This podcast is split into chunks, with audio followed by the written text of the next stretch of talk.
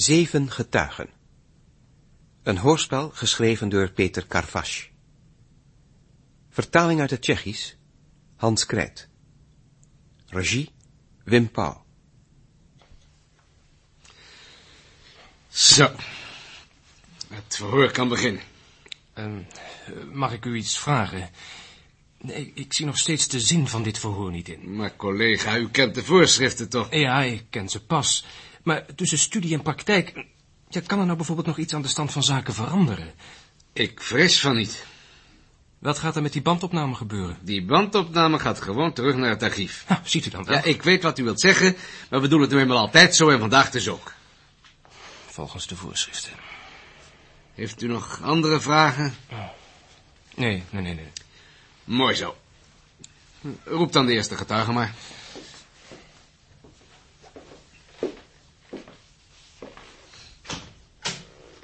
Eerste getuige, alstublieft.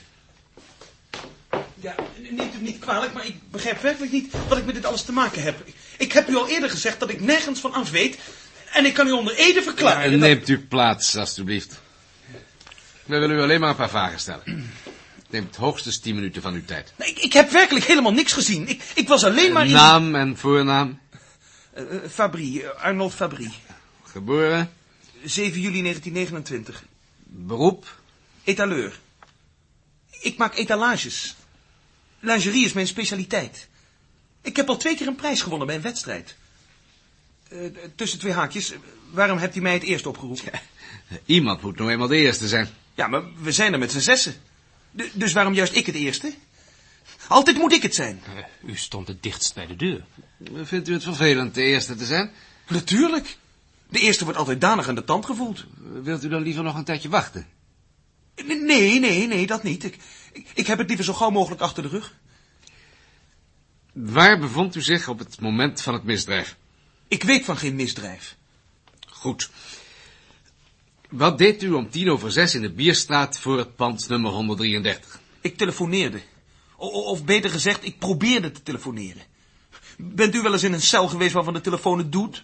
En toen u bezig was te telefoneren, is u niets bijzonders opgevallen?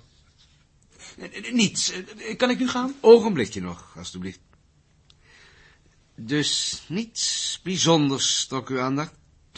Ik kan geen tien, tien dingen tegelijk doen. Ik, ik, ik was bezig een nummer op te zoeken. Telefooncellen zijn anders helemaal van glas. Van glas, ja. Maar buiten was het donker. Zag u niet dat een zwarte auto langs het trottoir parkeerde? Oh, in die straat parkeren zoveel auto's. Maar op mijn erewoord, al, al had er een olifant gelopen, had ik hem ook niet gezien. Die bewuste auto parkeerde vlak bij de telefooncel. Ah, Misschien stond ik er wel met mijn rug naar toe, weet ik veel.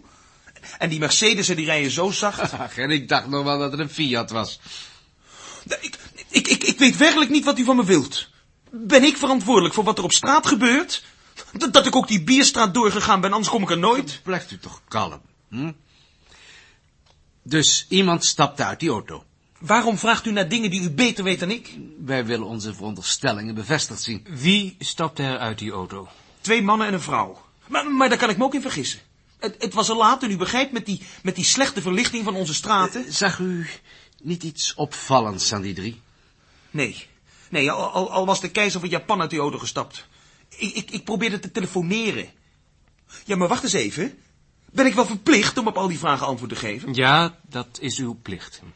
En eh, kan er niks gebeuren? Niets. Ja, natuurlijk wel als u iets uitgesproken hebt. Ik? Tja. Mijn hele leven ben ik er niet in geslaagd iets uit te spoken wat de moeite van het noemen waard is. Ik hoop tenminste dat het niet verboden is te telefoneren. Zou u de mensen die uit die auto stapten herkennen? Nee, ik zag ze alleen maar van achteren. Wat deden ze? Wat deden ze? Wat deden ze? Ze gingen naar binnen. Gingen ze normaal naar binnen? Nou, best mogelijk dat ze abnormaal naar binnen gingen. Dat weet ik niet. Ze liepen gearmd. U zei dat deze ondervraging niet langer dan tien minuten zou duren. Waren ze soms dronken? Dat is best mogelijk. Of was die vrouw er beroerd aan toe en werd zij van beide kanten door die mannen ondersteund? Ik zei u toch al dat u meer weet dan ik? Misschien was ze wel gestruikeld. Maar het is ook best mogelijk dat ze met geweld meegevoerd werd.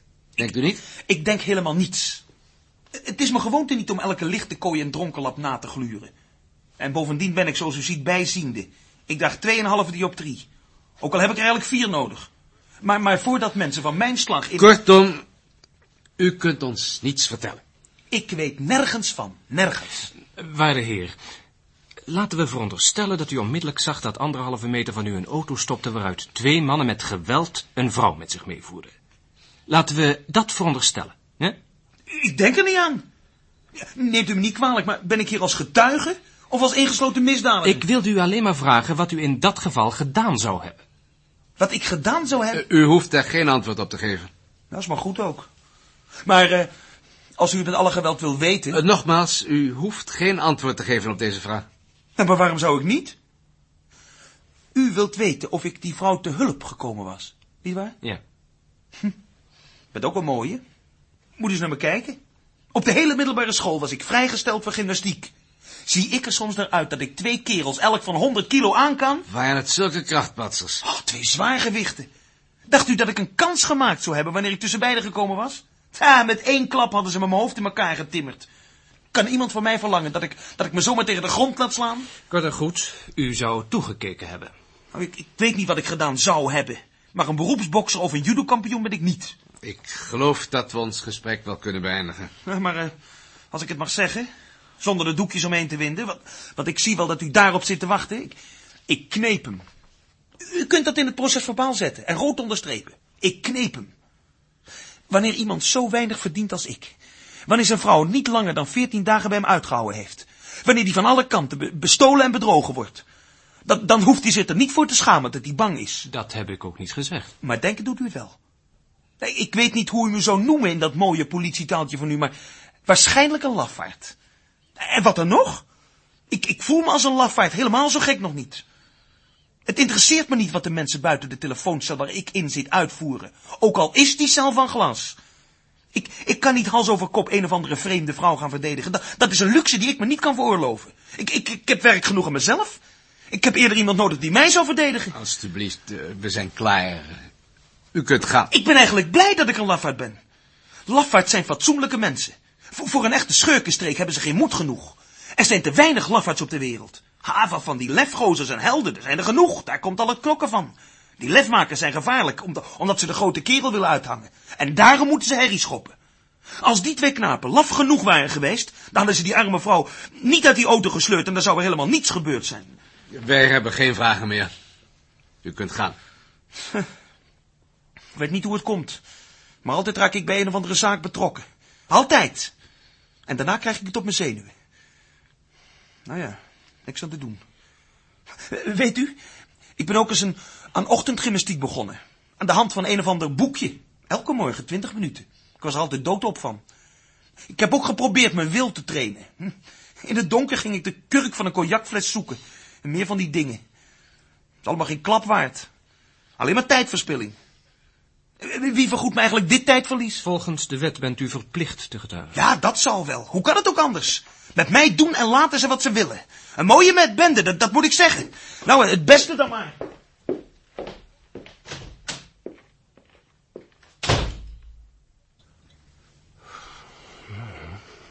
Mensen, kinderen. Ja, jongeman, je hebt dit vak zo helemaal gekozen, ervoor gestudeerd. Nou komt de praktijk. Ah, het liefst had ik maar een flinke klap op zo'n... Deze keer zal ik maar doen alsof ik niks gehoord heb. Volgende getuige. Zoals u wilt.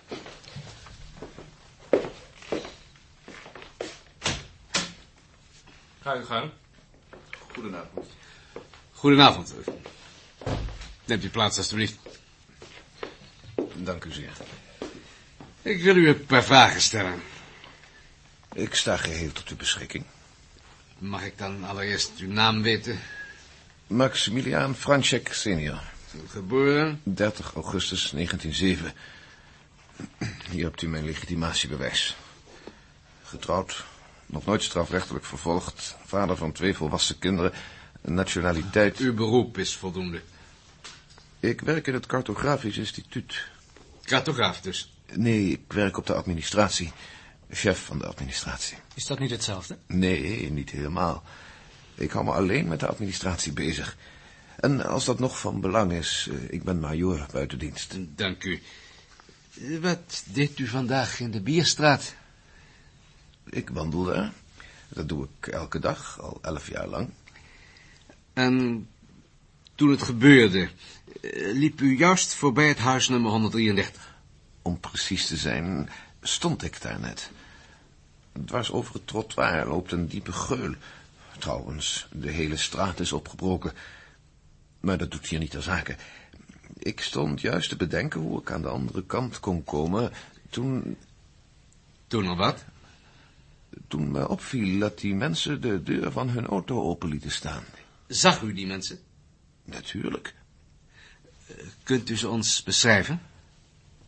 Twee heren tussen dertig en veertig, allebei flink gebouwd, en een dame aanmerkelijk jonger. Naar mijn bescheiden mening vrij knap en, ik zou zeggen, aantrekkelijk gekleed. Stond u er zo dichtbij? Dat niet, maar het was nog vrij licht en, ondanks mijn leeftijd, zie ik nog goed. Viel u iets op? Ja, een, een zekere haast. Eerst had ik de indruk van een vrij uitgelaten gezelschap. Ze deden heel vrolijk. Bent u daarna van mening veranderd? Ja, zeker. Als je wat beter keek, zag je dat het gezicht van die dame helemaal niet zo vrolijk was. Huilden ze? Nou, dat zou ik niet met zekerheid kunnen zeggen. Haar gezicht ging verscholen achter lange zwarte haren. Ze probeerde die twee mannen ergens heen te trekken. Tenminste, die indruk had ik oorspronkelijk. Later niet meer? Beslist niet. Waarschijnlijk zeg ik u niets nieuws, maar... Ik schrok toen een van die mannen de dame plotseling een klap gaf. Ehm, hoe ver stond u op dat moment van ze af? Nou, dat weet ik niet zo precies. In elk geval aan de andere kant van die geul. Zoals ik al zei, schrok ik van die klap. Ja, het, het vervulde me met, met afkeer. Waarom? Waarom? Kunt u dat niet begrijpen?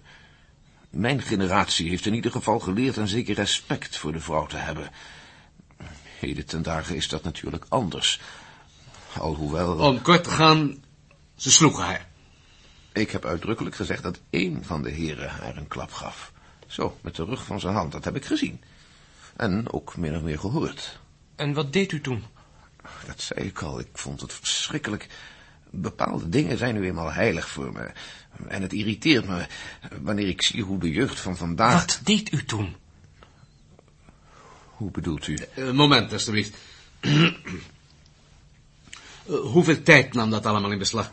Een fractie van een seconde. Ze renden letterlijk het trottoir over en verdwenen achter het ijzeren hek van het grijze huis. En u? Wat ik... Kwam het niet bij u op in te grijpen? Natuurlijk wel. Ik had onmiddellijk het gevoel dat die arme vrouw iets onaangenaams te wachten stond. Ik moet toegeven dat, dat ik eerst wilde gaan schreeuwen. Maar op een of andere manier... Ik, ik weet het niet, u, u moet proberen me te begrijpen. Uit principe schreeuw ik namelijk nooit, en op straat zeker niet. Ik herinner me heel precies dat ik met mijn hand mijn paraplu vastklemde. Al vanaf mijn jeugdjaren heb ik een afkeer van lichamelijk geweld. Trouwens, het zou belachelijk geweest zijn. En niets is verschrikkelijker dan je op straat belachelijk te maken. Dat bent u toch met me eens? Natuurlijk. Ik, ik begrijp u maar al te goed, jongeman. Maar waarom vindt u dat juist ik iets had moeten doen? Er waren toch nog meer mensen. En bovendien stond ik voor dat opengebroken trottoir. Daar lagen twee planken over. Oh, die heb ik niet gezien. Waarom deden die mensen niets? Er bestaat toch nog zoiets als menselijke verantwoordelijkheid? Ik beschik over een vrij nauwkeurig besef van mijn verantwoordelijkheden. Niemand kan dat ontkennen. Zelfs op dat voor mij zo pijnlijk moment zou ik me niet afzijdig gehouden hebben... in het geval dat iemand iets ondernomen had. Maar waarom, waarom gebeurde er helemaal niets? Dat, dat, dat weet ik niet. Misschien wachtte men op een, een bevel, of op een sein of een gebaar... Ik verklaar hier met nadruk dat ik geholpen zou hebben. Zodra het om een rechtvaardige zaak gaat, kan men op mij rekenen. Neemt u me niet kwalijk, maar waarom heeft u dan dat zijn of dat bevel niet gegeven? Waarde heer, niet iedereen is daarvoor in de wieg gelegd. Bovendien, wanneer iedereen bevelen kan geven, belanden we binnen de kortst mogelijke tijd in een onvoorstelbare chaos. Dat bent u hopelijk toch wel met mij eens. Zeker, zeker, zeker. En dan nog iets. Ik ben hier naartoe gekomen met het vaste voornemen niets, maar dan ook niets achter te houden. En daar wil ik me aan houden ook. Met de hand op het hart, heren. Op een gegeven ogenblik overwoog ik werkelijk die twee kerels eens flink de les te lezen. En ze te, verhinderen hun eventuele boze plannen uit te voeren. Maar ik zou alleen staan. Dat weet u net zo goed als ik. En daarom hield ik maar liever het hoofd koel en bedwong ik mezelf. Dat was het beste wat ik kon doen. Hebt u nog andere vragen? Nee, nee, dank u dat u de moeite genomen hebt. Oh, dat was niets meer dan mijn... mijn verantwoordelijkheid. Maar zou ik u ook iets mogen vragen? Ga u gaan. Op een gegeven moment, toen dat bewuste drietal voorbij kwam... aan de andere kant van die geul in de straat... toen, toen had ik opeens voor een ogenblik de indruk... dat ik een van die twee heren kende... Ja, ik, ik zou graag willen weten of hij het werkelijk was. Het lijkt me zo ongelooflijk dat ik zijn naam maar liever in uw oor fluister. Mag ik? Nee, nee, die was het niet. Oh, u kunt het u niet voorstellen, maar dit is werkelijk een pak van mijn hart. Hoewel, ik had het kunnen weten, want ik ken hem toch, ik ken hem door en door. Wanneer hij de raad voorzit, ziet hij er echt uit als een minister-president uit de oude school. Wanneer hij een opdracht geeft, heeft hij altijd alles tot in de puntjes doordacht... en men krijgt dan zin om alles zo snel mogelijk uit te voeren. Nee, nee, nee, nee, het was gewoon waanzin om te denken dat hij erbij geweest zou zijn. Ik, ik dank u zeer, heren. Dank voor uw geduld en tot ziens.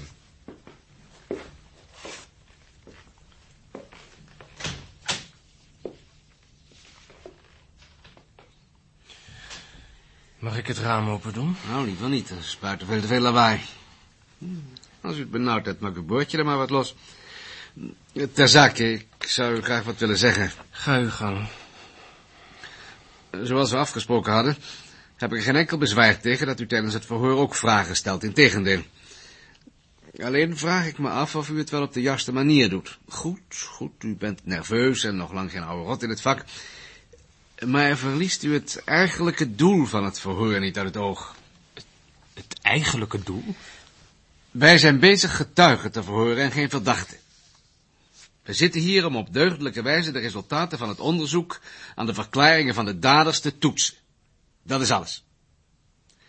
Ik geloof niet dat het een gunstige invloed op de getuigen heeft wanneer u zich tegenover hen onaangenaam gedraagt. Is dat duidelijk? Jazeker. Volgende getuige.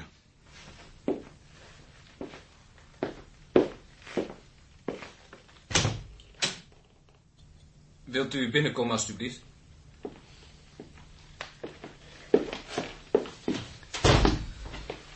Neemt u plaats. Eerst even het kort uw personalia. Moet dat? Nou, ik hoop dat ze niet geheim zijn. Nee, ik bedoel of al die flauwekul wel nodig is. Het is geen flauwekul, maar een verhoor. Heeft u er eigenlijk wel het recht toe? Niet alleen het recht, maar ook de plicht. Ook het recht om zomaar mensen die niets op hun geweten hebben van de straat op te pikken? Nu we het daar toch over hebben. Waarom wilde u de benen nemen? Ik was helemaal niet van plan er vandoor te gaan. Volgens het rapport dat ik hier heb wel. Misschien had u een belangrijke afspraak? ja, natuurlijk had ik die. En weet u hoe lang onze tijd al zitten te verknoeien? En dat terwijl ik nog niet eens gegeten heb? Het hangt helemaal van u af hoe lang het nog zal duren. Naam en voornaam? Kent u me werkelijk niet? Ook al kende ik u, dan zou ik u deze vraag toch moeten stellen. Ik ben Vashda. Voornaam? Cyril Vajda, doelverdediger van sportclub. Voetballer? IJshockey. Dat vind ik nou fantastisch. U weet wat van sport af. Wanneer bent u geboren? In 1940, precies op oudejaarsavond. Beroep? Moet u dat ook nog weten? Oké. Schrijf het maar op. Uh, autotechnicus. Wat deed u vanavond in de bierstraat? Ja, nou ben ik de sigaar. U wilt natuurlijk van mij horen dat ik daar een afspraak had, hè? En zodra ik niet bereid ben dat te bekennen, geeft u het natuurlijk morgen aan mijn wederhelft door. Nee, nee, nee, nee, nee. Nee, die vlieger gaat niet op. Vraagt u maar wat anders. Was u aanwezig bij, bij het incident in het huis nummer 133? Uh, ho, ho, ho, ho, ho, ho. Het incident speelde zich af in het huis en ik was voor het huis. Zo bedoelde ik het ook. Heeft u alles gezien? Tje, als ik ergens naar kijk, dan zie ik ook wat, nietwaar? Er kwam zo'n oud knetterend wrak aanrijden. Donkerblauw of donkergroen van kleur. Vast en zeker deed een bougie het niet of markeerde er iets aan de carburateur. Er kwamen twee gozers en een griet uit. Wat ze eraan vonden mag Joost weten. Het was zo'n dikke troela op leeftijd met een bruin geschilderd smoel. Die kerels duwden er met een rotvaart achter het hek en het wijf was schreeuwen. Ze ging tekeer alsof ze een mes in de rug kreeg. Schreeuwde ze? Dan Zou u dat niet gedaan hebben in haar plaats? nee, u hebt gelijk. Op haar leeftijd had ze eigenlijk blij moeten zijn dat iemand nog met haar wilde scharrelen. Waar of niet? Wat schreeuwde ze? Ja, weet ik veel, om hulp natuurlijk. En toen? Nou, toen, eh, ze trokken er mee. En ze sloegen het hek dicht. Wat daarna is gebeurd, weet ik niet. En helderziende ben ik niet. Vertelt u eens, wat ging er toen in u om? Nee, nou wordt u mooi. Denkt u nou echt dat ik bij u te biecht ga? Ze schreeuwde dus. En wat toen? Vanzelfsprekend schreeuwden ze, maar wat ze schreeuwden was niet te verstaan. En daarna was ze stil. Kort en goed, die twee probeerden daar zonder twijfel geweld aan te doen. Dus spreekt u alsjeblieft niet zo geleerd. Het is logisch dat ze niet meer in de binnen namen om samen te gaan zingen. Ook al zouden ze een mooi trio gevormd hebben. Troelala en de magere springhanen. In elk geval waren het dus geen krachtpatsers. Wie heeft u dat nou weer op de mouw gespeeld? Als ik ze een oplawaai gegeven zou hebben, zouden ze drie keer over de kop geslagen zijn. En waarom heeft u ze dan... Ja, dat is alles. U wordt bedankt. Een ogenblikje. Uw collega hier wilde wat vragen, nietwaar? Waarom ik ze dan geen oplawaai gegeven heb? Op die vraag heb ik al een hele tijd zitten wachten. Ja, waarom dan niet? Waarom? Omdat ik het niet wilde. Niet wilde. Toen het gebeurde heb ik steeds tegen mezelf gezegd, beste jongen, pas op dat je er niet mee gaat bemoeien. Hou je handen, je zakken, je kaken op elkaar en vertrek geen spier van je gezicht. Is het soms een scharrel van jou? Zijn het jouw vrienden? Nee. Dus bedwing jezelf en laat ze allemaal maar barsten. Maar u had toch eventueel kunnen voorkomen... Les Koek. Daar heb ik toevallig ervaring mee. Toen Milka, mijn zuster, als secretaresse werkte bij een directeur die het arme kind mee naar zijn kamer wist te lokken, heb ik die vent opgezocht en hem drie tanden uit zijn bek geslagen. Waarom hebben ze me hier toen niet gevraagd hoe het allemaal gegaan was? Ze lieten me niet eens aan het woord komen. Voorkomen? Kom nou, geen haar om mijn hoofd. U haalt de zaken door elkaar. En bovendien heeft het hier niets mee te maken. Ik zal u iets zeggen. Het is logisch dat mijn handen jeukt om ze tegen de grond te slaan. Maar wat zou er gebeurd zijn? Die vrouw zou de benen genomen hebben, die twee kerels zouden zijn blijven liggen, de omstanders waren er vandoor gegaan en wie zou u opgepikt hebben? Mij. En niemand anders, vanwege verstoring van de openbare orde en toebrengen van lichamelijk letsel. Als ik me niet vergis, heeft u honger en zitten ze thuis op u te Zal wachten. ik u eens wat zeggen? Jullie zitten me tot hier. Ik zweer dat die twee knapen een paar dreunen verkocht zou hebben, nietwaar?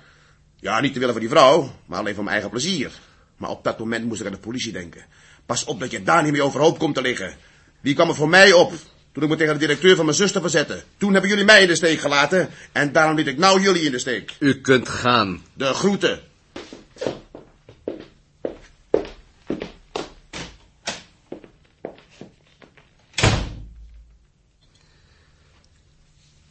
Zei u iets? Nee. Weet u hoe laat het is? Eén minuut voor middernacht. Zullen we het morgen maar afmaken? Wilt u ermee ophouden? Dat niet, maar... Ik weet niet meer wat ik wel of niet kan vragen. U bent aan mij toegevoegd om praktische ervaring op te doen. Houd vooral uw oren open. En denk eraan dat wij geen filmrollen spelen, maar eerder de saaie rol van een nauwgezette, dikwijls vrij vermoeide en verveelde ambtenaar. En dat ieder mens nou eenmaal is zoals die is, en niet zoals u hem graag zou willen hebben. Maar iedereen is toch verantwoordelijk voor zijn doen en laten? Denkt u dat? Natuurlijk. Waarom zeggen we dat niet tegen ze? Het doel van dit verhoor is de ware gang van zaken vast te stellen. Ja, dat heb ik al begrepen, ja. Mooi zo. Volgende getuige dan.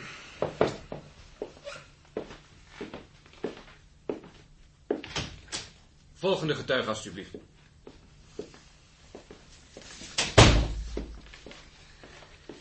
Neemt u plaats. Uw naam? Robert Corbaba. Ik heb rechten gestudeerd. Beroep eh, student dus. Nee, ik heb mijn studie onderbroken. Uw huidige werkkring? Ik speel in een dansorkest, drums. Pardon? Slagwerk. Oh. Geboren? 10 februari 1944. Was u vanavond in de Bierstraat? Ja. Op het moment van dat voorval? Ja.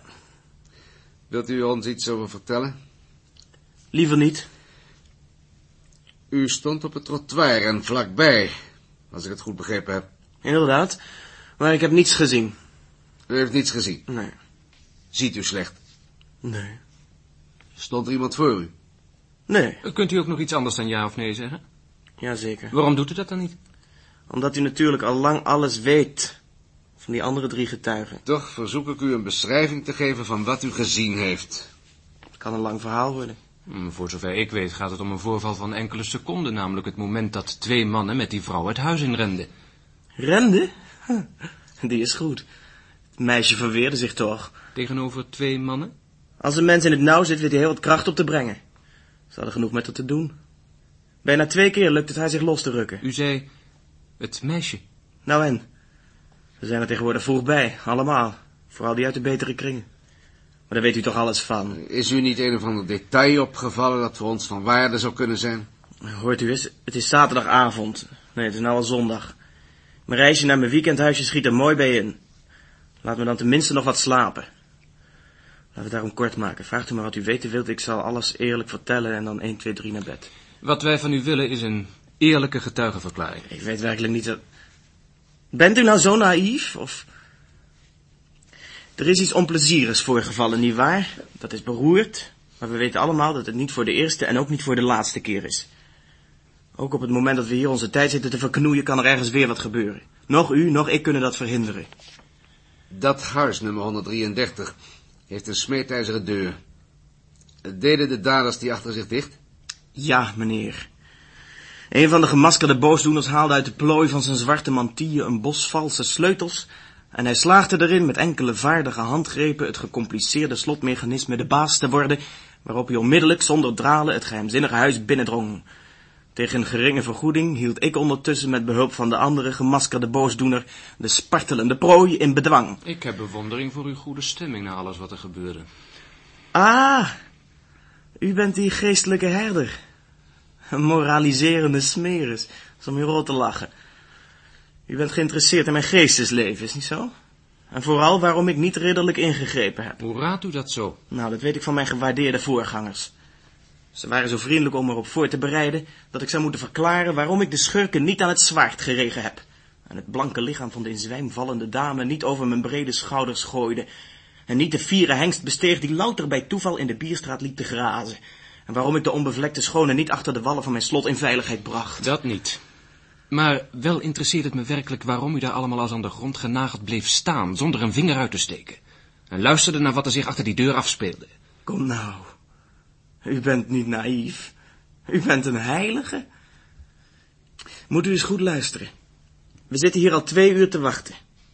In die tijd hebben we op de vraag wat we gezien hebben wel tien verschillende antwoorden kunnen bedenken, waarvan minstens de helft op de feiten berust.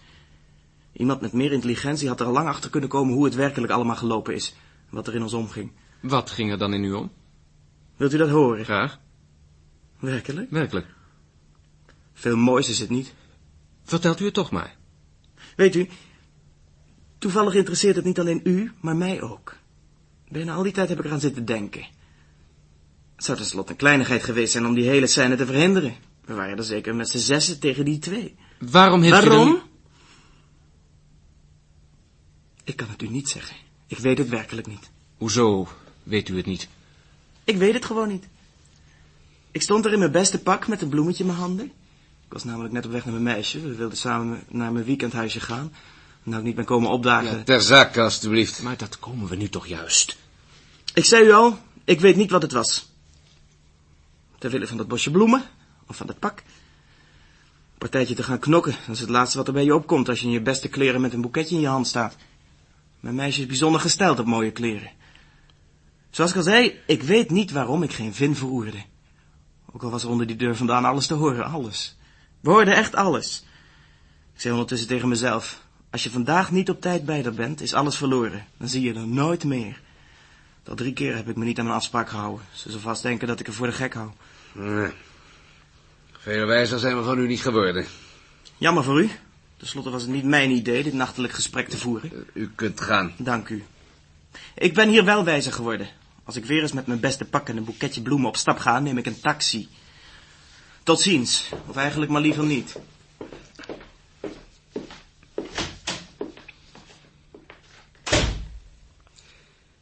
Ik moet u met klem verzoeken in het vervolg niet meer het verhoor te onderbreken. Onderbreken. Jazeker. U verliest de grote lijn uit het oog. En wat is die grote lijn? De belangrijke feiten, de voornaamste details. Het toetsen van de resultaten van het onderzoek aan de feiten. Maar dat weten we toch al. De gevolgen van de misdaad kennen we en de daders hebben we te pakken. Wat we niet weten is hoe het allemaal kon gebeuren. Op, op klaarlichte dag, gewoon buiten op straat, in het bijzijn van zes volwassen mensen. Als u het verhoor in die richting gaat leiden, komt u er nooit meer uit. Ja, dat geloof ik graag. Nou, Het is inmiddels al kwart over twaalf. Zo net wilde u het verhoor tot morgen uitstellen. Maar nu niet meer. Nu wilt u het uitstellen. waarom maakt u dat niet op? Neemt u niet kwalijk, het is al laat. Ik, ik weet niet wie de meeste schuld draagt, die twee mannen of die zes omstanders. Als ik u was, zou ik de vraag wie er wel en wie er niet schuldig is, maar aan meer bevoegden overlaten. Ik verzoek u opnieuw uitdrukkelijk... Ja? Maar eh, zou ik nu niet aan de beurt kunnen komen? Over een half uur wordt er geen kopij meer aangenomen... en ik zou nog graag in de krant van morgen een verslag over deze zaak willen hebben. U bent? Eh, Wagner, Karel Wagner. Nee, maar we kennen elkaar toch? U, eh, u bent inspecteur Volprecht. We hebben elkaar destijds in dat warenhuis ontmoet. U onderzocht daar aan diefstal. Ik heb toen nog een interview met u gemaakt. U vergist zich, ik heet geen Volprecht en van een diefstal in een warenhuis is me niks bekend. Eh, Neemt u plaats, alstublieft. Ja, dank u wel. Naam, voornaam enzovoort. Karel Wagner. Maar waar ken ik u dan van? Geboren in 32. Maar ik ben nog steeds geen hoofdredacteur en eh, u bent nog steeds geen minister van Justitie. Ja, ik zeg overigens altijd, de pers en de politie moeten samenwerken, nietwaar? Juist. Ah, ik weet het al. U kent u van de televisie. Ik ben nog nooit op de televisie geweest. Eh, waar werkt u? Waar? Nou, eh, bij de Times is het zeker niet. Nog steeds bij de Express, loonklasse 4. Ja, meneer, die rechtbankrubriek wordt overal onderschat. U zou daar eens iets tegen moeten doen. Ook in uw eigen belang. En was u getuige van het gebeuren in de Bierstraat? Nou, wees en zeker. Ik heb het gefotografeerd, meneer. Ik heb het allemaal vastgelegd in mijn hersenkronkels... met alle nodige micro- en macro-details... in kleuren, cinemascoop en plastisch. Vanaf welk moment wilt u dat ik het voor u projecteer? Vanaf het moment dat de daders die deur achter zich dicht deden. Deur? Wat voor deur? Die poort dan. Die ijzeren poort van het huis nummer 133. Poort kun je het ook niet noemen. Ze hebben daar zo'n zo oude met Eh, ding. Vertelt u nou maar wat u gezien heeft. Wat ik gezien heb. Iets fantastisch, dat moet ik u zeggen. Bij die telefooncel stond die, eh, die oude vogelverschrikker met, met een baard als een rover. Hij deed alle moeite om niets te missen, die oude snoepert. Ja. En dan was er nog die playboy met zijn boeketje anjers. En eh, verder... Nee, eh, de omstanders interesseren me niet. Mij interesseren alleen de daders en het slachtoffer. Oh, daar heb ik nauwelijks naar gekeken. Hoe dat zo? Nou, wat, wat viel er van hem te verwachten? Ik zag het allemaal van tevoren aankomen. Ik wist ook wel dat de details nou niet bepaald opwekkend zouden zijn. Trouwens, die zou mijn chef toch niet geplaatst hebben. Dus u heeft praktisch helemaal niets gezien? Nou, maar dat kon ik niet. Ik stond met mijn rug naar het huis. Wat zegt u me nou? Wat heeft u dan al die tijd uitgevoerd? Uitgevoerd. U weet zeker niet dat iedereen eens de kans van zijn leven krijgt. En dit was voor mij de kans. Ik heb al die tijd naar die vier anderen staan kijken. Naar die vijf anderen. Nee, nee, nee, vier. Met mij mee waren we met z'n vijf. Met z'n zes. Met z'n vijven. Ja, als u met die zesde die meneer bedoelt die nog in de wachtkamer zit, die heb ik toch helemaal niet gezien. Onder ons ge- gezegd, eh, ik dacht dat het een mannetje van u was en dat u hem bij ons had neergezet om ons eh, af te luisteren. Het is niemand van ons, het is een getuige, net als u. Een getuige. Oh, oh, neemt u me niet kwalijk. In ieder geval eh, heb ik hem niet gezien. Ik heb alleen maar naar die vier anderen gekeken. Maar waarom? Omdat ik een fijne neus voor het vak heb. Ik rook de reportage van het jaar. En hier, hier in mijn kop heb ik het allemaal op de film staan. Die oude baas, hoe hij het te bar gaat vinden, maar in wezen er zich toch niet mee wilde bemoeien. Eh, hoe die knaap bij de telefooncel alles met zijn ogen verslond. Barstend van afgunst dat hij ook niet van de partij was. Dat jonge knulletje, vakkundig, helemaal geïnteresseerd, hè. En dan nog die, die krachtpatser, zwetend, met een opgeblazen hoofd, net of het geval hem aan iets deed herinneren. Ja, geeft u me alstublieft antwoord op mijn vragen. U wilt me toch niet wijsmaken dat u helemaal niet achterom gekeken hebt? Geen moment. Alleen toen ze begon te schreeuwen, of probeerde te schreeuwen, want eh, ze snoerde haar meteen de mond. Toen wist ik al dat ze er zouden smoren. Hoe wist u dat? Dat, dat voel je gewoon. Dat voel je. Op dat moment had u ze moeten zien. De een werd zo bleek als een doek. De ander verstijfde alleen maar. Ik had ze voor me als op een presenteerblaadje. Ik zag hoe hun spieren begonnen te werken. Ik zag hun, hun zenuwen zich spannen. Ja, wilt u nou eindelijk eens ophouden met dat gefantaseer? Zo'n toon moet u niet aanslaan. De voorschriften betreffende het vooronderzoek verbieden u dat. Wilt u dan alstublieft zo vriendelijk zijn me hier geen dingen te vertellen die met het geval niets te maken hebben? U wilde horen wat ik gezien heb. Hoe ze die vrouw spoorde, heb ik niet gezien. Dat interesseerde me niet, meneer. Ik ben een journalist. Mij interesseert in de eerste plaats de mens. Wat denkt u? Worden ze veroordeeld voor uh, moord met voorbedachte raden? Volgens mij waren ze niet van plan dat te vermoorden. Maar ze moeten gehandeld hebben in een vlaag van verstandverbijstering. Ze raakte in paniek toen zij begon te schreeuwen. Heb ik gelijk of Was het donker voor dat huis? Uh, betrekkelijk. Maar in geen geval zou we kunnen schrijven... de gewelddaad werd gepleegd in het holst van de nacht. Nee, nee, dat zeker niet. Wanneer ik een klein beetje demagogisch zou willen zijn... dan zou ik rustig kunnen schrijven... dat het voor het oog van de hele stad gebeurde. Misschien kunt u zelfs wel schrijven vlak voor de ogen van de politie. wil u er graag op wijzen dat u dat gezegd hebt. Ja, en wat heeft u gezegd? Er werd een mens vermoord en ik stond er met mijn rug naartoe. Ja, wat had ik dan moeten doen? Neemt u me niet kwalijk, u kent toch het wetboek van strafrecht, niet waar? Goed, welke mogelijkheden biedt de wet mij? Ik ben toevallig ook in bezit van een revolver, wilt u mijn vergunning zien? Die had ik niet bij me, maar als ik hem bij me had gehad, denkt u dan soms dat ik er gebruik van had kunnen maken? Het gebruik van wapens die gevaarlijker zijn dan die welke de aanvaller bezit, is bij de wet verboden. Als ik een revolver had gebruikt, zou ik vermoordener uitgemaakt worden. Zo staan de zaken en daar kan ik niets aan veranderen. Ik moet u verzoeken voorlopig niets over deze zaak te publiceren. Zo? En waarom niet? In het belang van het verdere onderzoek. En daarna is het oud nieuws. Of uh, krijgt iemand anders de primeur? Niemand krijgt het. Hmm. Dan blijft er niets anders over dan het in een feuilleton te verwerken. Met titels als onverschilligheid op de beklaagde bank. Waar moeten de medeschuldigen gezocht worden? Het is de taak van de burgers, enzovoort, enzovoort, enzovoort. Enfin, dat zie ik dan nog wel. Maar nu we toch al zo lang gesproken hebben over zaken die ons beiden interesseren, zou ik u uh, om een kleine tegenprestatie mogen verzoeken. Wat voor tegenprestatie? Ik zou graag de twee daders willen zien. Het zal mijn verhaal ten goede komen. Aan, aan tien minuten heb ik meer dan genoeg. Daar is geen sprake van. U kunt gaan. Dat is jammer. Jammer. En dat niet alleen voor mij.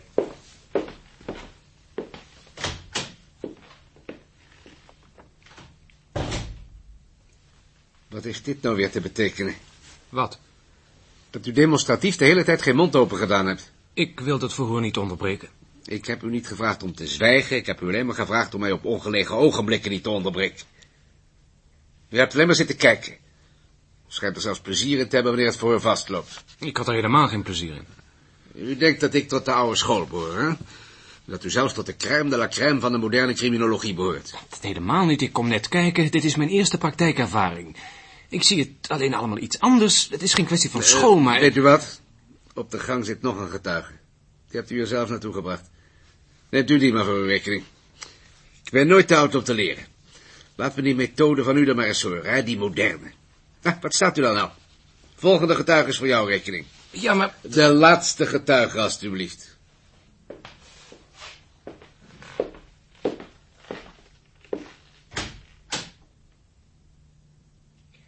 Wilt u binnenkomen?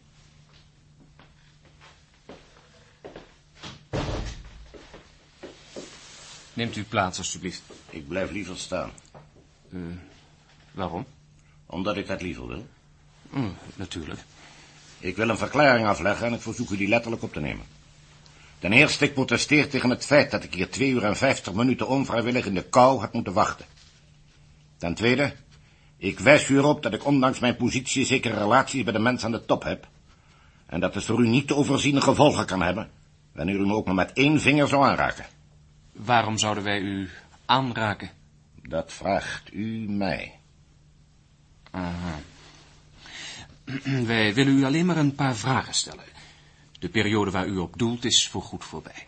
Ik heb al verschillende perioden meegemaakt. Ik heb dan ook geen enkele reden om te veronderstellen dat er ook maar één voorgoed voorbij is. Maar ik was nog niet klaar. Ten derde wil ik uw aandacht erop vestigen dat ik psychisch vrij goed gestructureerd ben en dat ik me in geen geval een gedachte laat aanpraten die niet de mijne is. En tenslotte ten vierde, bij het uitoefenen van elke druk, daarbij geestelijk inbegrepen, zal ik onmiddellijk weigeren aan het verdere verhoor te onderwerpen. Ja, zou u toch niet liever willen gaan zitten?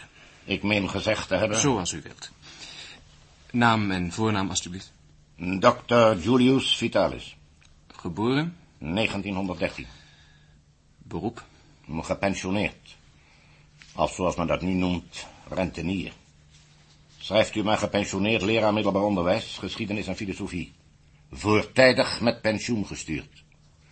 Hebt u dat? Wij hebben u verzocht hier naartoe te komen in verband met die tragische gebeurtenis in het pand Bierstraat 133. Dat pand bevindt zich vlak tegenover het uwe.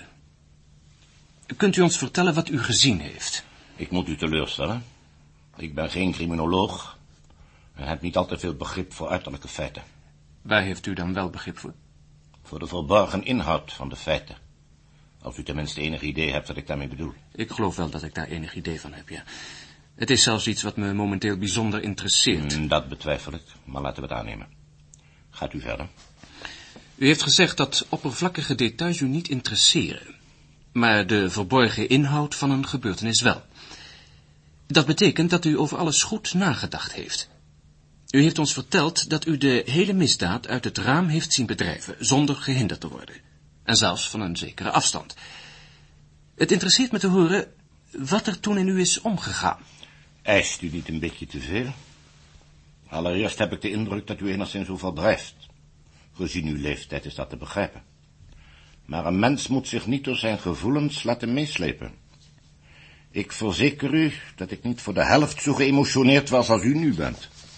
Wilt u daarmee zeggen dat het u koud liet? Gewelddaad, aanranding, moord? Koud liet is overdreven. Maar als een mens zo'n vijf staatsgrepen en twee wereldoorlogen meegemaakt heeft, als hij daarbij bovendien nog met de geschiedenis te maken heeft gehad, dan krijgt hij een meer globale kijk op de dingen. Kunt u mij volgen? Het is te zeggen... Beste meneer, oorlogen en opstanden, massamoorden die ik persoonlijk meegemaakt heb, kosten miljoenen doden. In dit verband gezien is de dood van één onbekende vrouw niet zo belangrijk. Vindt u wel? Maar nu leven wij in vredestijd. Die vrouw is niet gedood door een of andere bom, maar werd op beestachtige wijze vlak voor uw ogen gewurgd. Hm, interessant. Bent u soms van mening dat alleen daardoor haar leven een grotere waarde gekregen heeft? In deze eeuw van massamoorden die we achter de rug hebben en van anderen die ons naar alle waarschijnlijkheid nog te wachten staan? En dat alleen omdat het niet in Indonesië, Vietnam of in Texas gebeurd is, maar bij ons in de Bierstraat. Merkwaardige redenering. U zult toch moeten toegeven dat er een verschil bestaat. Die vrouw had gered kunnen worden. Ik ken geen enkele gewelddadige dood, welke onder bepaalde omstandigheden niet voorkomen had kunnen worden, wanneer iemand daadwerkelijk gewild had. En die iemand was u niet. Beste jongen, je begint onaangenaam te worden. Dit is je reinste demagogie. U heeft telefoon thuis. Waarom heeft u ons niet onmiddellijk gewaarschuwd? U begeeft zich op gevaarlijk terrein, ik waarschuw u. Weigert u te antwoorden? In het geheel niet. Integendeel. Maar, eh, zou ik eerst een glas water kunnen krijgen? Voelt u zich niet goed? Nee, nee, dat niet. Maar ik moet om de zes uur mijn medicijn innemen en nu is het daar tijd voor.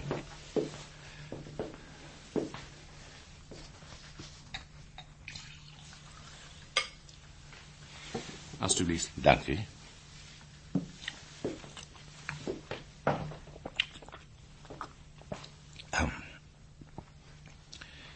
Waar waren we ook weer gebleven?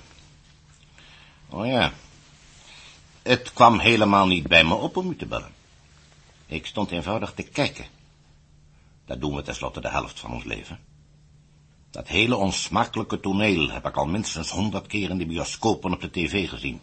Om over de kranten maar te zwijgen. En het duurde dan ook even voordat ik besefte dat dit echt was. En dat er misschien ingegrepen moest worden.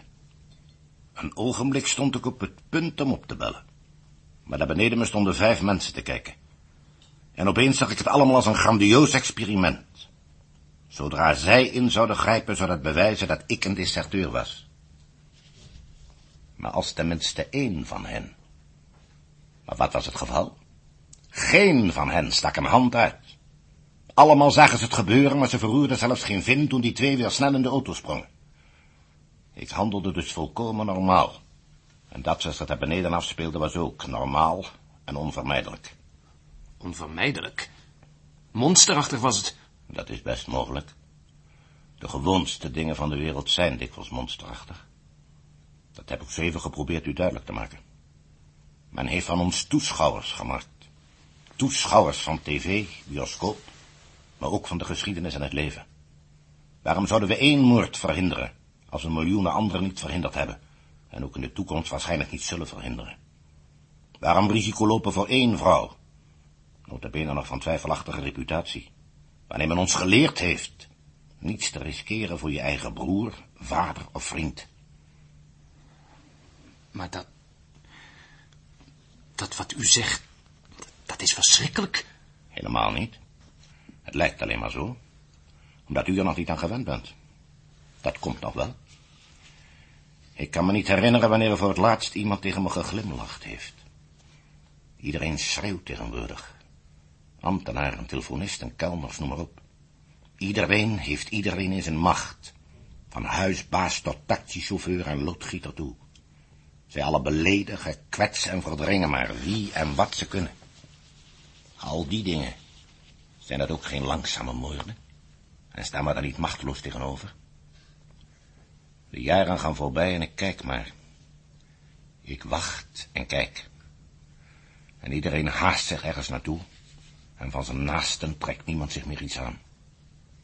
Wanneer ze mij vermoord zouden hebben, had dat vijftal beneden net zo staan kijken. Of niet soms? Als u werkelijk gelijk heeft, blijft ons nog maar één ding te doen. Elkaar allemaal afmaken.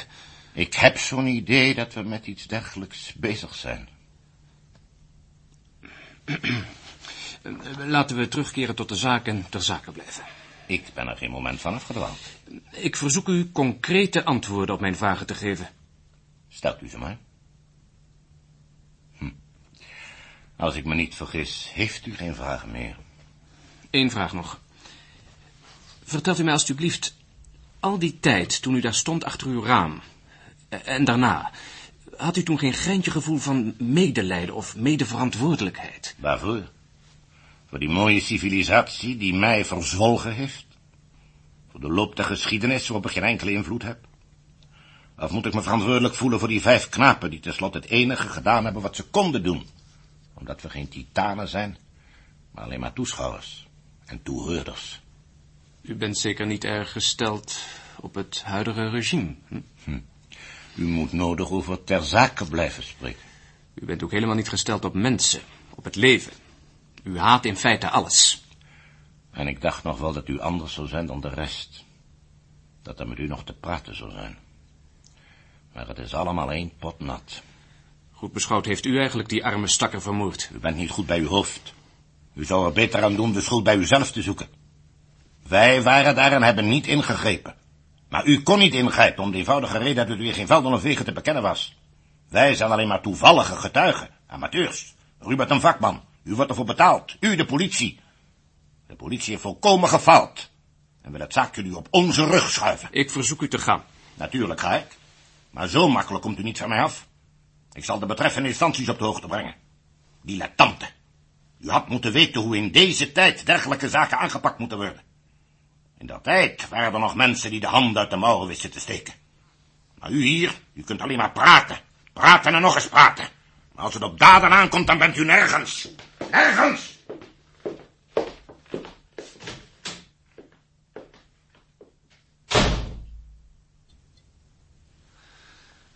Nou, zegt u het maar. Wat moet ik zeggen? Dat weet ik niet. Dan bent u vast en zeker dik tevreden. Ik ben niet tevreden, maar ook niet ontevreden. U hebt het verhoor achter de rug. Langzamerhand went u er wel aan dat we bij de politie werken en niet bij het leger des Heils. Kunnen we dan zelfs tegen zo'n man niets beginnen? Ik zou niet weten wat. Maar het zijn toch allemaal misdadigers? Kunnen we ze niet beschuldigen van medeplichtigheid? Laten we aannemen van wel. Maar wie van hen dan? Zij die binnen een staal van drie meter er vandaan stonden? Of zullen we het uitbreiden tot vijf meter? Of voor alle zekerheid tot een kilometer?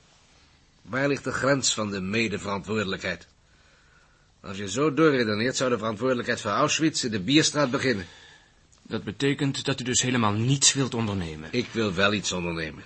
Ik wil dat al minstens tien jaar. Maar ik heb mijn ervaringen. En die zult u ook nog wel krijgen. Jawel. Dat zal dan wel. Elk verstandig mens weet dat hij niet in de afgrond moet kijken als hij last van duizelingen heeft. En u kijkt door het sleutelgat van de menselijke ziel. En krijgt duizelingen. Maar, maar als u gelijk hebt, wat is dan de zin van ons beroep? Eh, ja, wat is er? Heeft u niet gezien wat er op de deur staat? Ik moest deze vrouw hier naartoe brengen. wat voor vrouw? Goedenavond. Goedenavond. Is ze aangehouden? Ja, Waarvoor? voor poging tot braak. Dan moet ze niet hier zijn. Ik, eh, ik zou graag willen verklaren. Ja, neem maar mee en laat ons hier alleen. Over wat voor inbraak gaat het eigenlijk? Inbraak in een tabakswinkeltje. Ach, neemt u me niet kwalijk, maar ik moet... In een tabakswinkeltje. Ik heb wel andere dingen aan mijn hoofd. In welk tabakswinkeltje? In de Bierstraat nummer 107. Wat zegt u? In de Bierstraat? Hoe laat gebeurde dat? Even na zessen. Even na... Ja, waar zijn jullie dan al die tijd geweest? Ik geloof dat ik in een paar woorden... Ja, een moment, alstublieft. Ze hebben haar eerst op politiepost 3 verhoord. Ze heeft niets ontvreemd en heeft het steeds maar over een of ander telefoongesprek. Over wat voor gesprek? Met u. Met mij? Ik herken u aan uw stem. In de telefoon was hij alleen een beetje zwaarder. Ik heb een goed gehoor voor stemmen. Ik heb u gebeld toen ik zag wat er aan de overkant van de straat gebeurt. Oh, bent u dat geweest? Bedankt. U kunt gaan, agent. Goedenavond.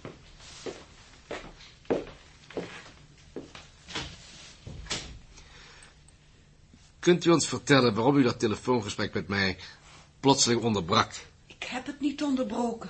Maar meneer Boetsan kwam juist binnen. Het belangrijkste heb ik u toch gezegd, nietwaar? Jazeker, ik heb onmiddellijk maatregelen getroffen. We hebben de daders te pakken. Maar eh, wie is meneer Boetsan? Gaat u toch zitten?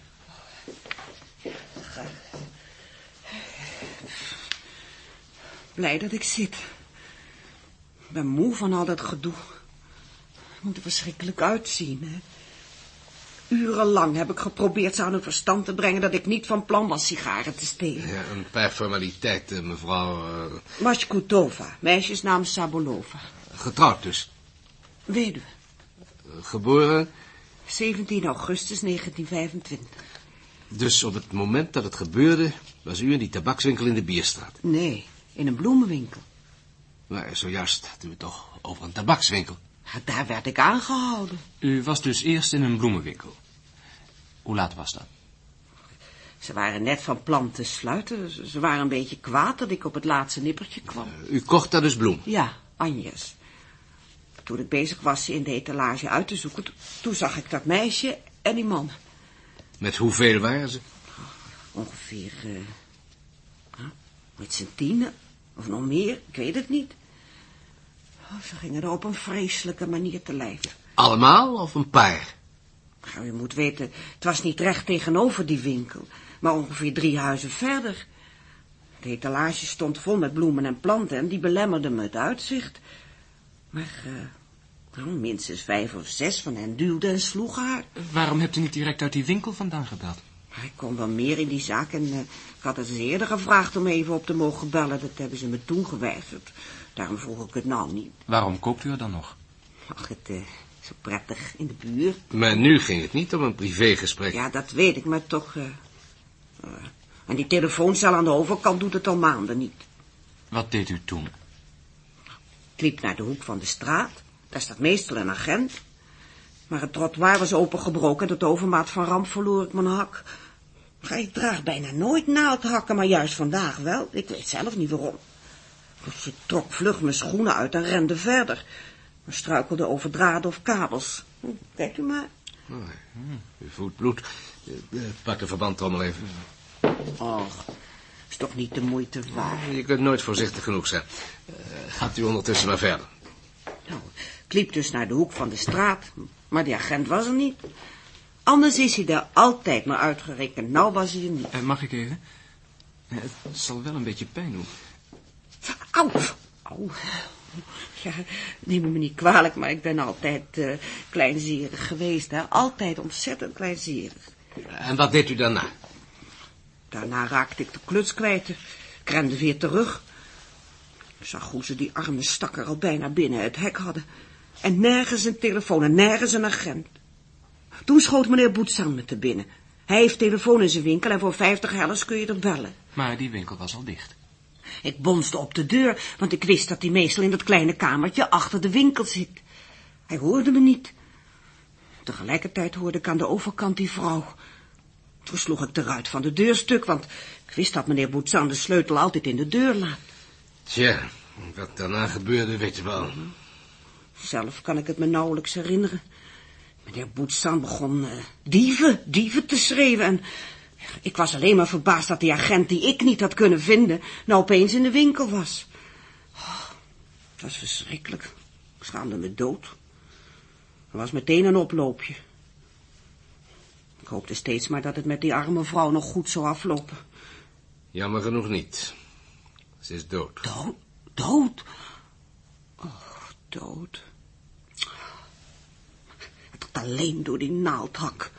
Die hak heeft daar niets mee te maken. Anders was ik misschien nog op tijd geweest. En ik kon ook dat nummer van u maar niet draaien. Mijn, mijn hand trilde zo. Allemaal mijn schuld. Dat is toch onzin? Nou, u noemt het onzin, maar ik zal er niet voor kunnen slapen. Ik zie je nog steeds voor me. Nu arme stakker. Heeft u kinderen?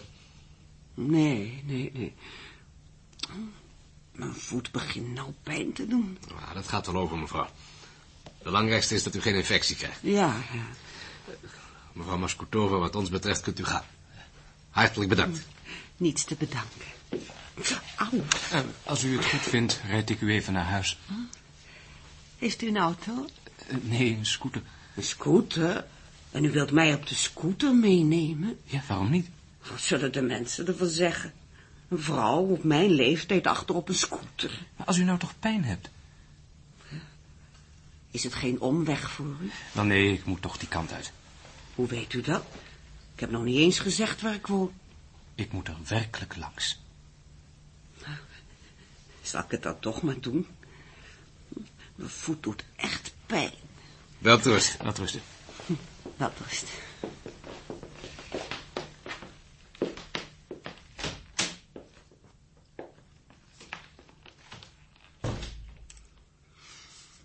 U hebt geluisterd naar Zeven Getuigen. Een hoorspel geschreven door Peter Karvash en uit het Tsjechisch vertaald door Hans Krijt.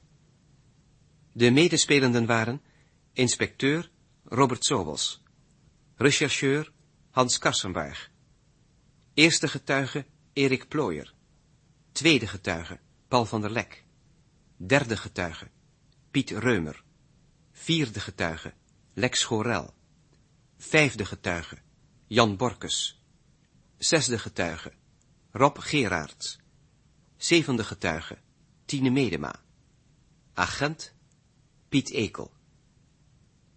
De regie had Wim Pauw.